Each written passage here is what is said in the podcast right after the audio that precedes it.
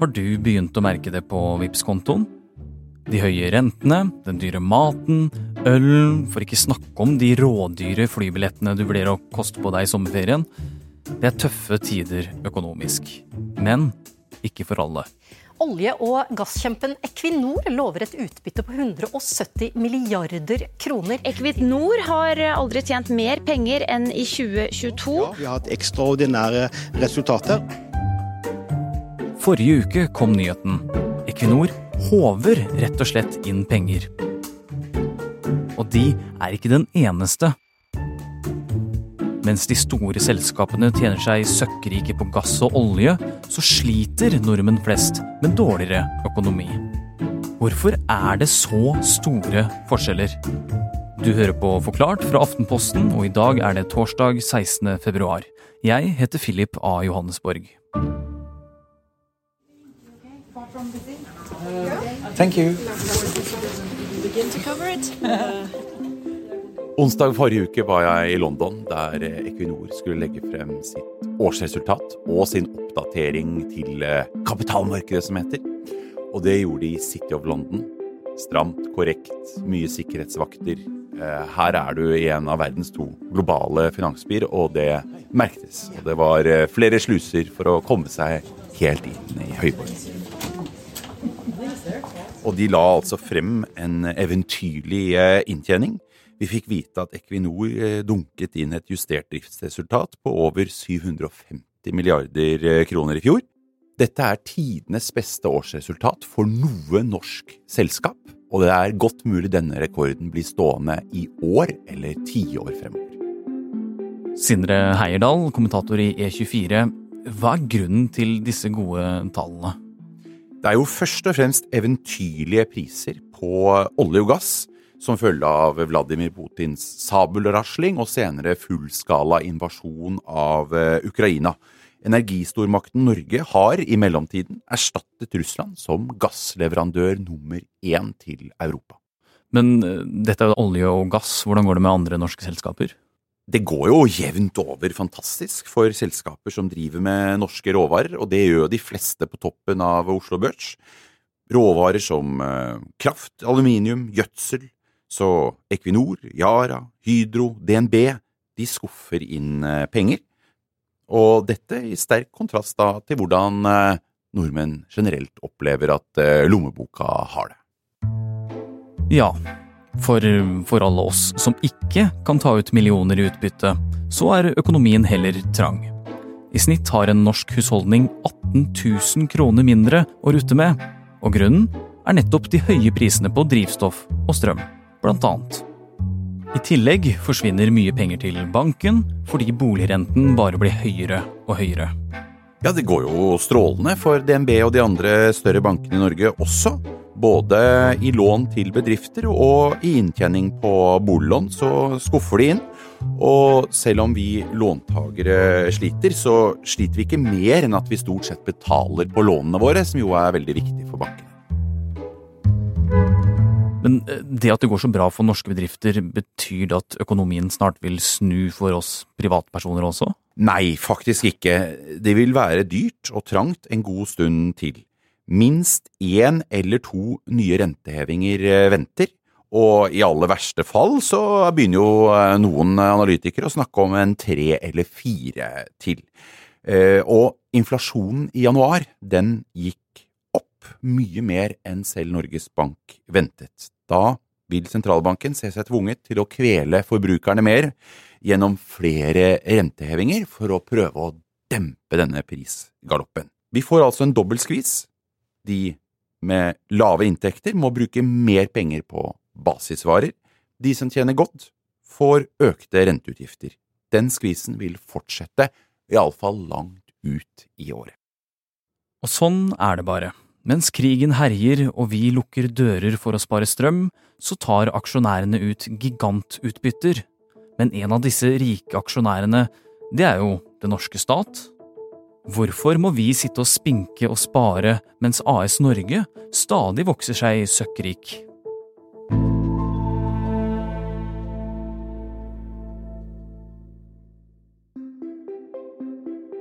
Staten er hovedaksjonær i Equinor. De eier 67% av Norges desidert største selskap. Så det betyr jo mange penger i kassa. Staten eier også over en tredel av Norsk Hydro, DNB, Yara og mange flere.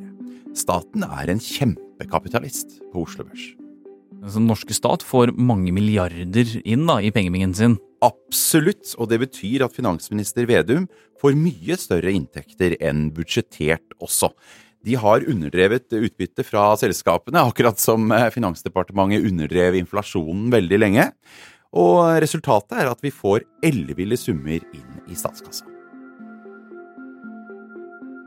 Og statskassa, den eies jo av oss skattebetalere. Likevel så vil ikke pengene komme direkte ut til det norske folk. Mange utbyttekroner brukes gjerne av politikerne direkte i statsbudsjettforhandlinger. Statkraft f.eks. de smører ofte budsjettene i sene nattetimer på Stortinget. Men eh, oljeinntektene, Equinor-utbyttet og de enorme oljeskattene de eh, overføres først direkte til eh, oljefondet. Så kommer inntektene gradvis inn i statsbudsjettene. Men for alle disse pengene så gjelder jo denne handlingsregelen, som sier at vi bare kan bruke 3% av fondet i budsjettene. Så det er begrenset hvor mye som drypper ut til folk flest. Ja, men det er jo nå folk sliter. Hvorfor kan ikke staten bare hjelpe oss og gi oss litt mer penger, da? Det er komplisert, eh, men mye av svaret handler om inflasjon. Hovedgreia er at vi vil unngå at pengene våre blir mindre verdt. Jo mer penger vi spytter inn i samfunnet, desto mindre verdt blir pengene. Så hvis staten plutselig putter en masse penger inn i, si, nye byggeprosjekter, så vil det igjen føre til ny og større aktivitet. Da går prisene enda høyere opp, fordi pengene er mindre verdt. Og da har vi en evig runddans, en ond spiral. Og nettopp derfor må rentehevinger til. For bruker du 1000 kroner ekstra i måneden på å betale et huslån, bruker du 1000 kroner mindre på å betale andre ting. Er det ikke en annen måte regjeringen kan hjelpe oss på, da, uten bare å gi oss penger? Jo, alt de eh, deler ut gjennom budsjettene, er jo på en måte å gi oss penger. Men det er også en annen måte å se det på. Regjeringen har ekstraordinært høye inntekter fra strøm nå. Det meste av eh, kraftproduksjonen i Norge er offentlig eiet. Og eh, denne strømstøtteordningen, som vi heller kan kalle en strømkompensasjon, den gir jo bare tilbake litt av de ekstrainntektene staten har på høye strømpriser. Så det er fullt mulig å se det mer som at man kompenserer litt av eh, de veldig høye strømregningene folk har. At det ikke er en sånn voldsomt rundhåndet stat som ligger bak. Ja, så på en måte så spytter de inn penger, bare indirekte? Ja, og selv om strømkompensasjon kan bidra til inflasjon, så er det jo også sånn at vi allerede betaler mye mer i snitt for strømmen enn vi gjorde i tiåret bak oss. Så vi vil jo allerede, eh, uansett, eh, snevre litt inn på pengebruken vår eh, gjennom de høye strømprisene. Så det at staten da deler ut penger, blir egentlig en litt rar måte å se det på. Det vil, jeg vil heller si de kompenserer oss bare litt mer for høye regninger. Så da sitter vi der da med masse penger på bok som staten egentlig ikke kan bruke noe særlig av. Hva er vitsen med at staten tjener så mye penger da? Staten er jo egentlig oss. Oljefondet er vår felles eh, sparegris. Og når den vokser, svulmer opp, så står vi jo fryktelig godt rustet for fremtiden. Da. Og også våre barn og barnebarn vil jo sannsynligvis ha mye igjen der. Eh, så det handler jo noe om at eh, dette gjør jo Norge rustet for nye tider med stormer internasjonalt. Og disse pengene vil komme oss til gode etter hvert. Først inn i statsbudsjettet, så inn i f.eks. helsetjenester, stipender, barnebidrag, pensjon og skole. Og hvis vi hever blikket litt, så er det kanskje ikke så krise her i landet. For resten av verden sliter. Det går jo ganske ille. Forbrukerne der skvises særlig av skyhøye energipriser. Eh, og i mange land så blir det ikke engang like mye kompensert eh, for varme sikringsskap som i Norge. Og samtidig så går jo disse landene ofte med store underskudd. I motsetning til oss så taper de på de høye energiprisene, og de bygger opp eh, mye gjeld. Det vi i Norge opplever, er jo en flau bris i forhold til hva mange av disse landene går gjennom nå. I Storbritannia eksempel snakker de om levekostnadskrise. Akkurat nå kan oljefondet kjøpe aksjer med begge hender på billigsalg. De får inn store tilførsler gjennom olje- og gassprisene. Og så kan vi da på sikt få enda høyere avkastning når disse aksjene går opp igjen. Uh, så det at det går dårlig i resten av verden, gjør at vi i Norge blir rikere, rett og slett? Ja, det stemmer det. Og eh, slik var det også f.eks. under finanskrisen eh, i 2008 og 2009. Det endte jo fantastisk for oljefondet, som eh, mens børsene var, lå nede på sotteseng, kunne kjøpe aksjer også da med begge hender, og bli med tidevannet opp igjen. Er ikke det litt urettferdig, da? At vi sitter her og tjener oss styrtrike på olje og gass og kunstgjødsel, mens verden lider? Føler ikke selskapene og staten på et ansvar her? Jo, og internasjonalt er det jo mange som eh, påpeker dette stadig vekk. Eh, to eksempler. Polens statsminister sier Norge indirekte profitterer på krigen. Og økonomibibelen The Economist sier Norges inntjening fra krigen er eh, flau. Det er jo ingen av dem som sier at Norge direkte står bak, selvfølgelig. Alle skjønner at dette er Putins angrepskrig, men det handler om de indirekte effektene, da. Og både bladet og statsministeren ber oss dele mer av de eventyrlige overskuddene vi faktisk har. Og det har jo skjedd en del eh, i det siste.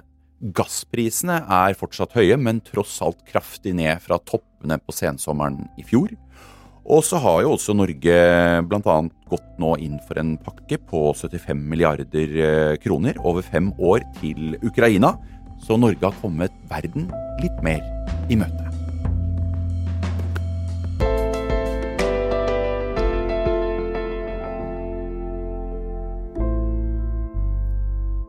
Du har hørt en podkast fra Aftenposten. I dag med økonomikommentator i E24, Sindre Heierdal, som ga oss litt mer forståelse for hvordan staten kan tjene så mye. Lyden du hørte er hentet fra NRK, og lyden av Equinor i London er det Sindre Heierdal som har tatt opp. Denne episoden er laget av produsent Synne Søhol, Trond Odin Johansen og meg, Philip A. Johannesborg. Resten av Forklart er Jenny Førland, David Vekoni og Anders Weberg.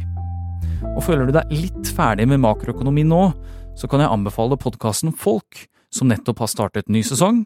Den finner du i Podme-appen. Nå er vi tolv personer. Vi er uh, i denne romstasjonen innestengt. Skulle vise seg å være vanskeligere enn vi trodde. 11. februar er Aftenpostens podkast Folk tilbake. Hvis du skal bli med på festen, så må du ta dette her. Og jeg visste hva det var med en gang. Det var LSD. I podkasten får du korte fortellinger fra menneskene rundt deg, med deres egne ord. Til slutt så var han nesten helt oppi ansiktet mitt, og så bare skriker han, liksom. Jeg tenkte liksom nå må jeg kanskje slåss for eh, livet mitt. En dag jeg skulle gå på skolen, og jeg hadde virkelig gleda meg, men da roper søsteren min på meg også. Mamma beveger seg ikke. Hør den og hele sesong én hos Podmy eller i Aftenposten-appen.